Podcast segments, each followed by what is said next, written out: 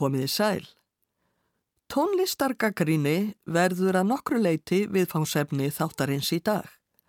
Þó er það ekki gaggrinnin sjálf sem þátturinn snýstum, heldur verða fluttar í þessum þætti tónsmíðar sem samdar hafa verið til þess að svara gaggrínendum. Tónskáldum hefur oft sárnað gaggrinni og sum þeirra hafa gripið til þess ráðs að svara henni á þann hátt sem þau kunnu best með tónlistinni. Rúsneska tónskáldið Dmitri Sjostakovits varð oft fyrir harkalegri gaggríni sem stundum var af pólitískum togaspunnin af því að verk hans þótt ekki samrýmast sovjaskri menningarstefnu. Árið 1960 samti Sjostakovits lagaflokkin Satýrur við kvæði eftir skáldið Sasha Djorni sem fættist 1880 og dó 1932.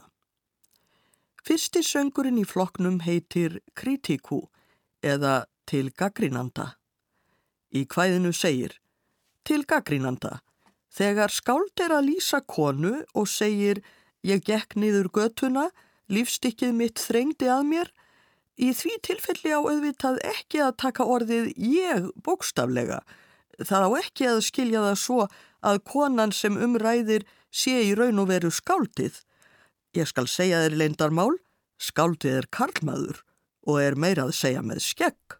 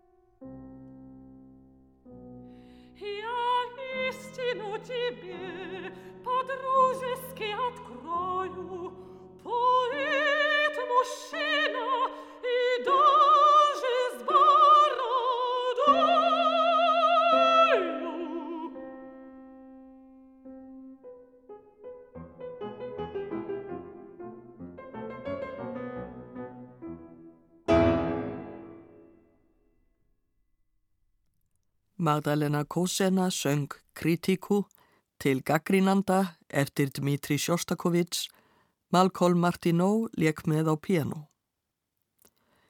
Það er ljóst að skáldið Sasha Tjorni hafði ekki háar hugmyndir um gáfur gaggrínandans sem hann ávarpaði í þessu kvæði.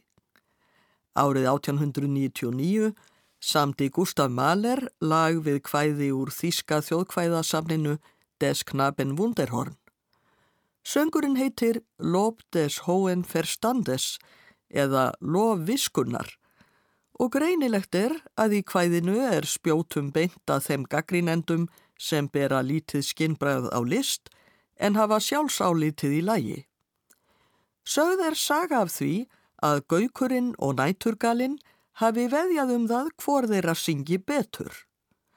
Gaukurinn lagði til að þeir fengju asnan til að skera úr um það. Hann hefði svo stór eiru að hann hliti að heyra betur en aðrir. Asnin var því gerður söngdómari og sagði keppendunum að hefja söngin. Fyrst söng næturgalinn indislega. Asnanum fannst þetta heldur flókið. Hann hrein, íja, íja, ég skil þetta ekki almennilega. Svo söng gaukurinn, kúkú, alltaf tvo tóna í þrýjundum, ferundum og fimmundum. Það líkaði asnanum vel og hann úrskurðaði gaukinn sigurvegara. Í tónlist Malers má heyra ólíkan söng fugglanna og hrinur asnans.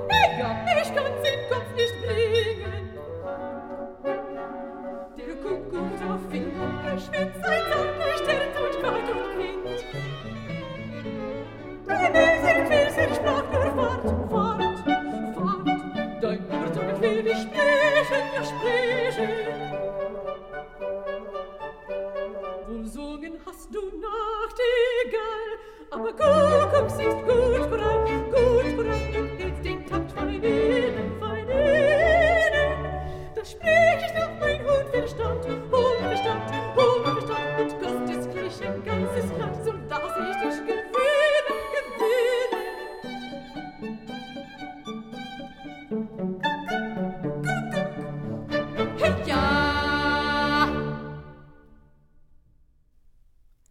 Djante Gaetani söng Lob des Hohen Verstandes, Lof Viskunar eftir Gustaf Mahler. Ístmann kammersveitin lék og David Efron stjórnaði. Mahler er ekki eina tónskáldið sem hefur líkt gaggrínendum við Asna. Árið 1886 samdi franska tónskáldið Camille Saint-Saëns verkið Karnival dýrana. Þetta er gamansamt verk í 14 þáttum sem flestir hafa einhver dýraheiti, svo sem skjaldbökur, fýll og kengurur.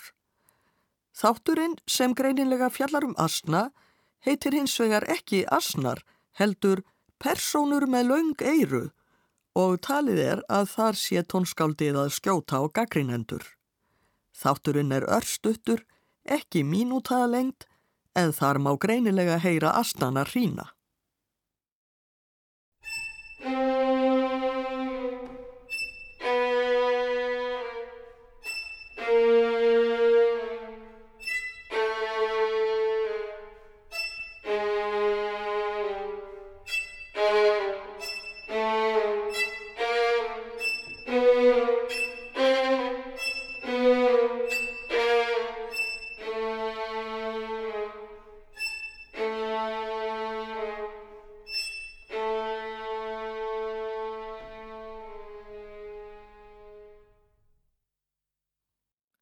Hljómsveitin Kamerata Vín lék kaplan Personur með laung eiru úr karnevali dýranna eftir Camille Saint-Saëns.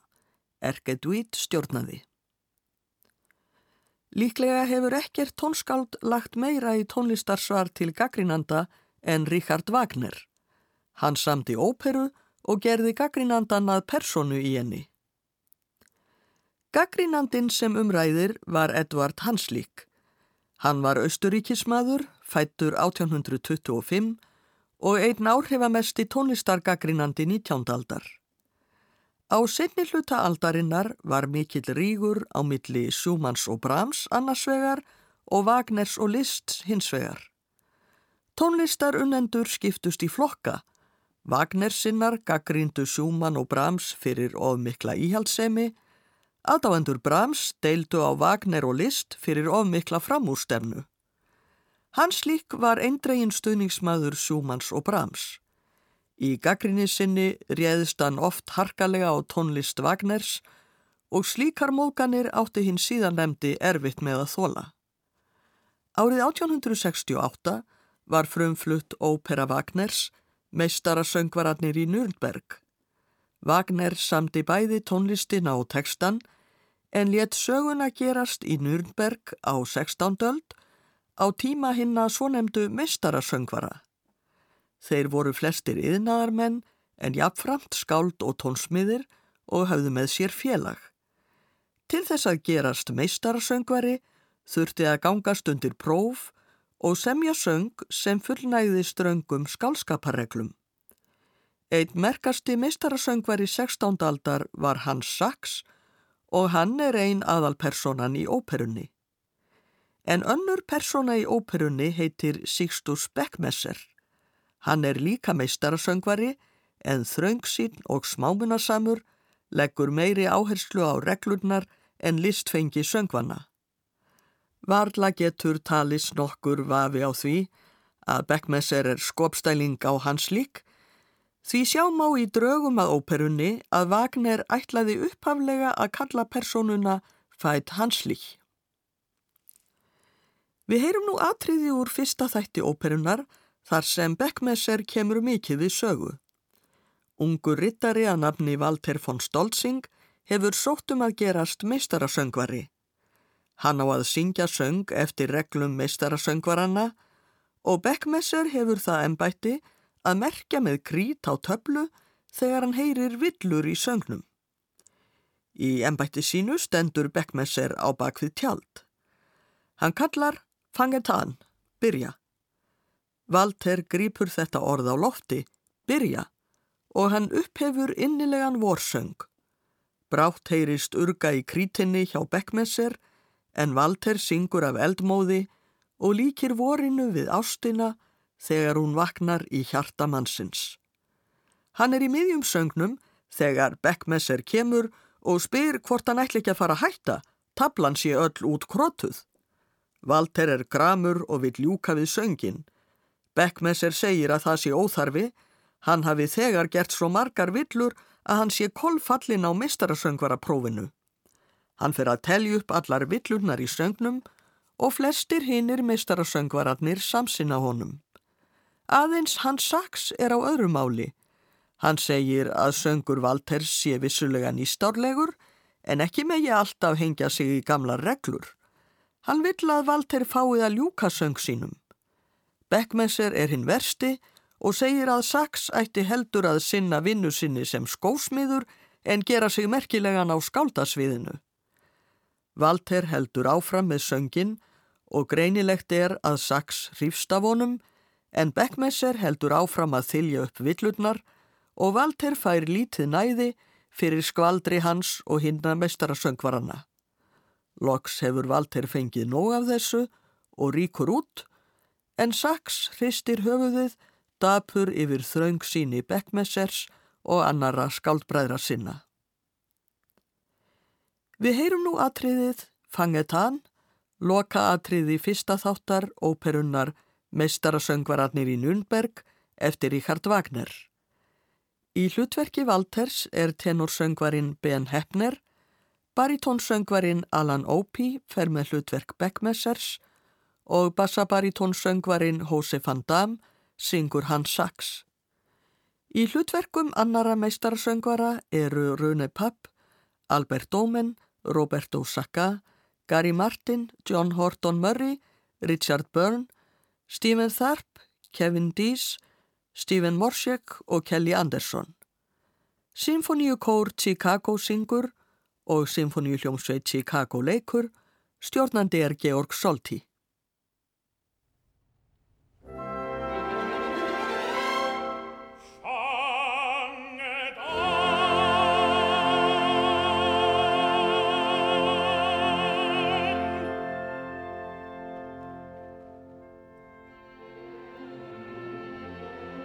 so riecht lenz in den wald das laute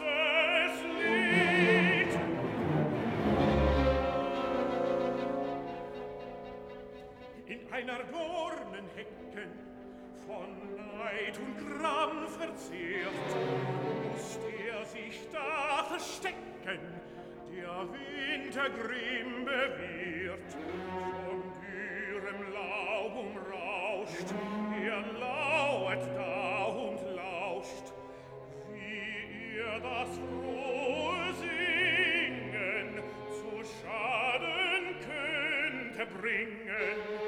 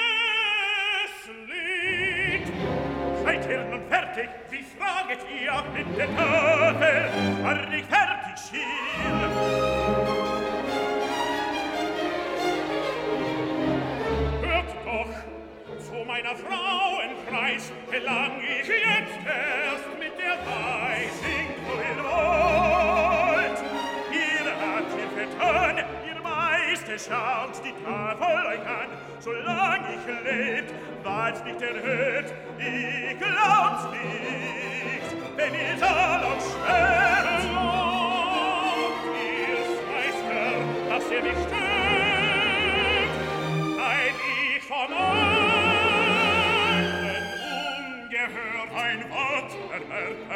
Ihr seid gereizt, sei merket und an Bedarf reizt. Doch dass der Junker hier versungen hat, belege ich es noch vor der Meisterrat. Zwar wird's ne harte Arbeit sein, wo beginnen, da wo nicht aus noch ein. Von falschen Zahl und falschen Gewänd schweig ich Schon ganz und gar, zu kurz, zu lang wär ein Enderfett. Wer meint ihn im Ernst einen Bar auf Lindemein? Klag ich allein, sagt kommt dein Sinn, ohne Sinn gefein. Und Gott nicht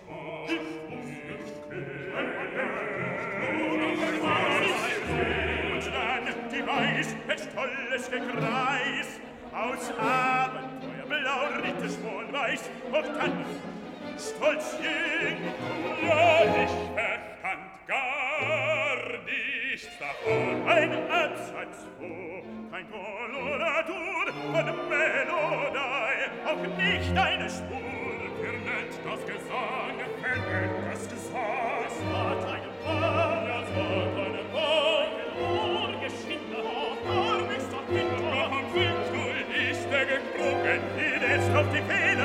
gedrungen und dergleichen, das er verzogen. Oh,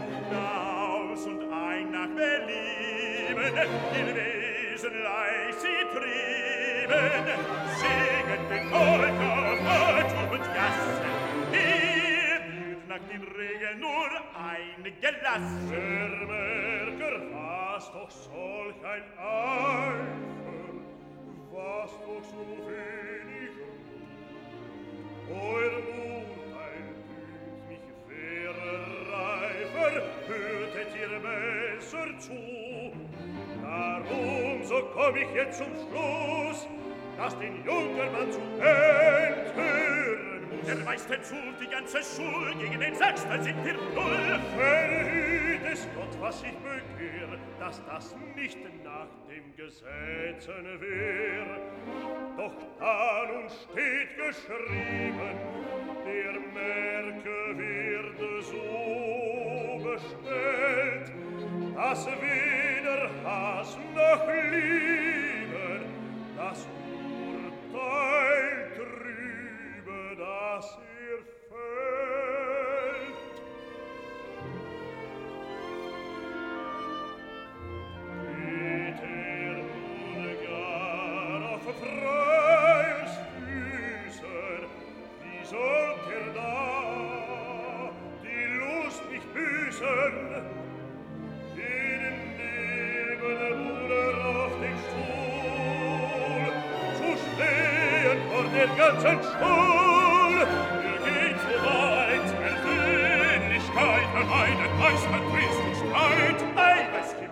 meiste Sachsen, auf was wir küssen ich geh. Lieschen drum lieber sorgen sich wachsen, dass mir nicht trägt die Zeh. Auch seid mein Schuster ein großer Poet, gar übel es um mein Schuh wegsteht das sind die schlappt und überall klappt, all seine Felsen rein. Ließ ich ihm gerne heim, die Story Spiel und schenke dann zu, brächst dir will morgen die neue zu.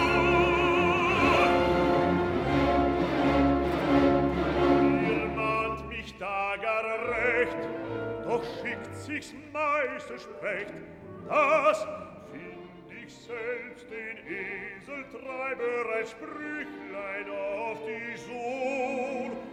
Dem hochgeladen Erstatt ich nicht drauf schreiben soll, das Sprüchlein, das heuer würdig sei, mit all meiner armen Beuterei fand ich noch zur Stund, doch wird's wohl jetzt ihr kund, wenn ich des Riedes Lied gehört, drum singe nur weiter, ungestört. Nicht weiter zum Schluss, nur singe mir Werke zu Verdruss. Was soll man da noch hören, es nicht euch zu betören, aus finstrer Dunst.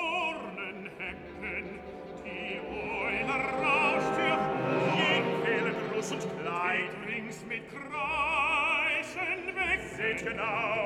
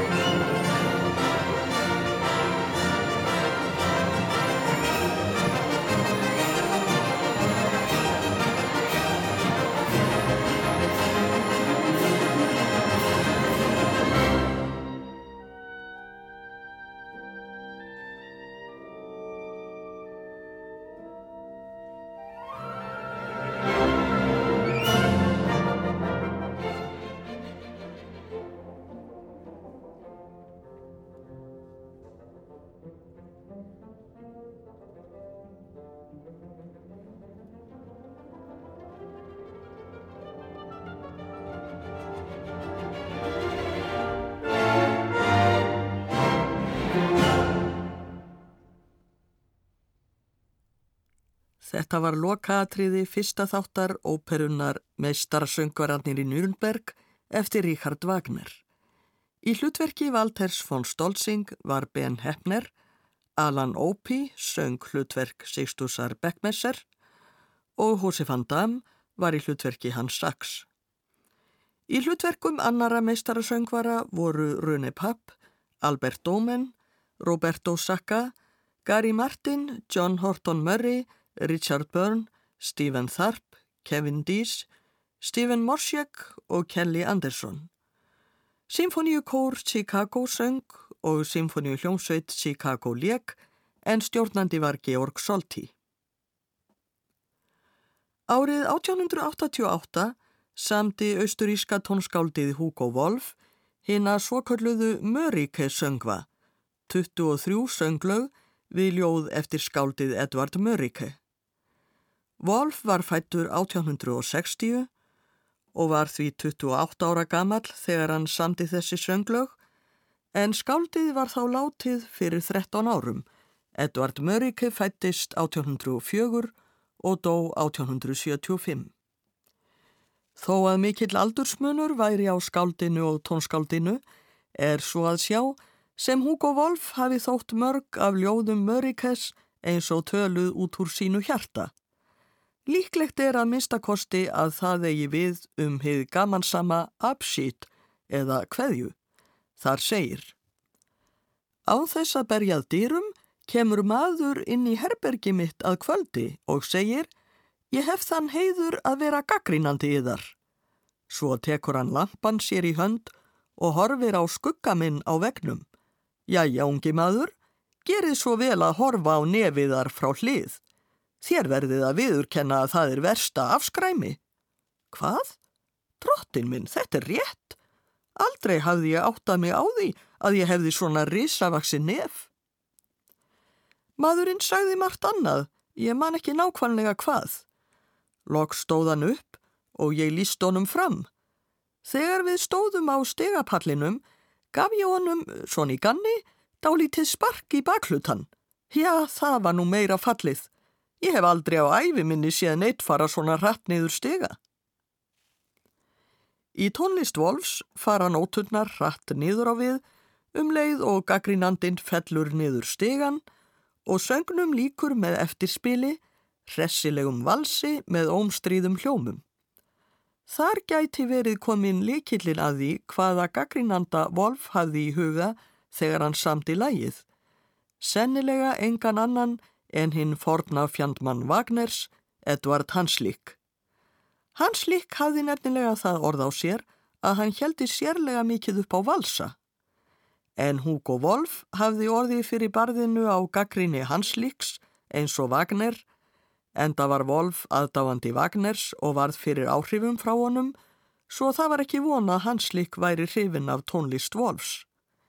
Við heyrum nú lægið Abschied eftir Hugo Wolf. Werner Gyra syngur en Jan Schultz leikur á piano. Unangeklopft ein Herz tritt abends bei mir ein. Ich habe die Ehre, ihr Rezensent zu sein.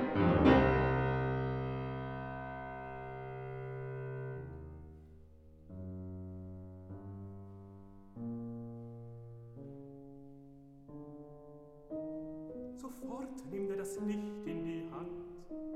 Er sieht lang meinen Schatten an der Wand, rückt nah und fern. Nun, lieber junger Mann, sehen Sie doch gefälligst mal Ihre Nase von der Seite an. Sieht liebe zu, dass das ein Ausschuss ist, das ein Wetter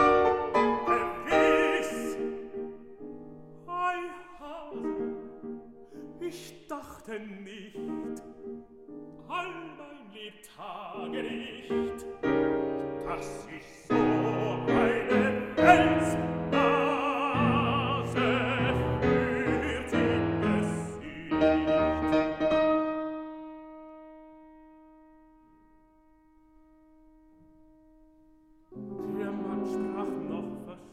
es hin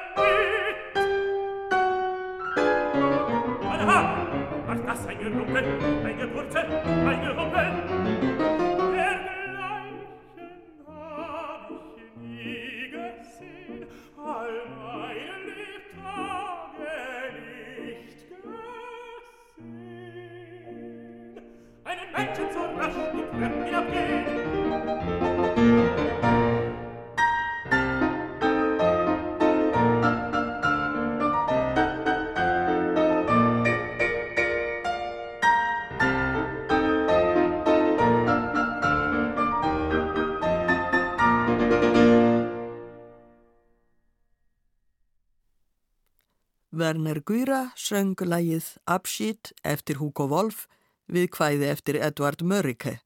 Pianoleikari var Jan Schultz.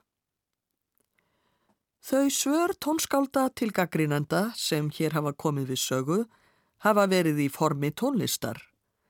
En einni kom fyrir að tónsmiðir svöruðu gaggrínandum með orðum og frægasta svar af því tægi kom frá þýska tónskáldinu Max Reger. Eftir að Symfonietta Regers í Adur var frumflutt annan februar 1906 skrifaði Rudolf Louis afar neikvæðan dóm um verkið.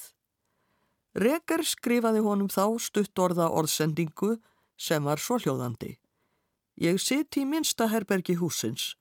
Ég hef gaggrinniðar fyrir framann mig. Eftir andartak verður hún fyrir aftan mig. Við heyrum nú þriðja kabla, Larghetto, úr verkinu sem varð kveikjanað þessum orðaskiptum, Sinfoniettu í Adur opus 90 eftir Max Reker.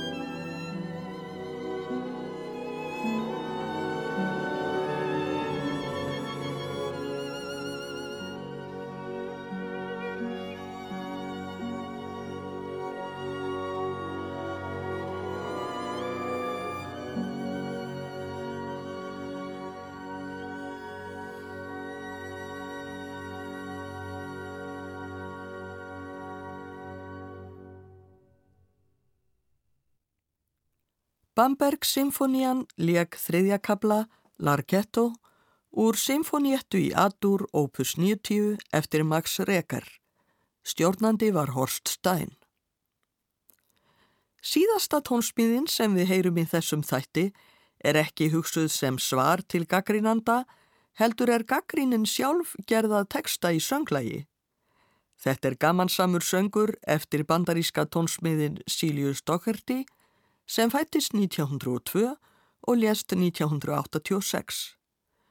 Doherty var pianoleikari og þekkti því vel til tónlistargaggríni. Í þessum söng tekur hann gaggríni upp úr bladi og lagar til svo að úrverði söngteksti. Gaggrínin hefst þannig. Í gerkvöldi helt sópransöngkonan Sadabel Smith sína fyrstu New York tónleika í Carnegie Hall við góðar undirtektir áheyrenda. Svo heldur gaggrínandin áfram og segir að söngkonan hafi góða sviðsframkomu og fagra rött en hafi því miður ekki verið upp á sitt besta í fyrstu lögunum, sennilega af taugaóstyrk og vegna rángrar öndunartækni hafi tónarnir orðið óöryggir og mjóir. En í óperuarjunum hafi Ungfrú Smith verið á sínu rétta sviði, röttin hafi orðið mun örugari og kraftmeiri og lágutónarnir hafi ekki gefið hinn um háu neitt eftir. Hún hafi sungið tárreint með flauelsmjúkri rött og uppskorið svo mikil fagnaðalæti áherenda að annaðins hafi sjaldan sérst og gaggrinandin bætir við eins og eftirþanga, hinn geðþekki undirleikari var Max Schmidt. Kristín Brúer syngur nú lægið Review, gaggríni, eftir Síliu Stokkerti, Rose Vignol leikur með á piano. Ég þakka hlustendum samfélgina, verði sæl.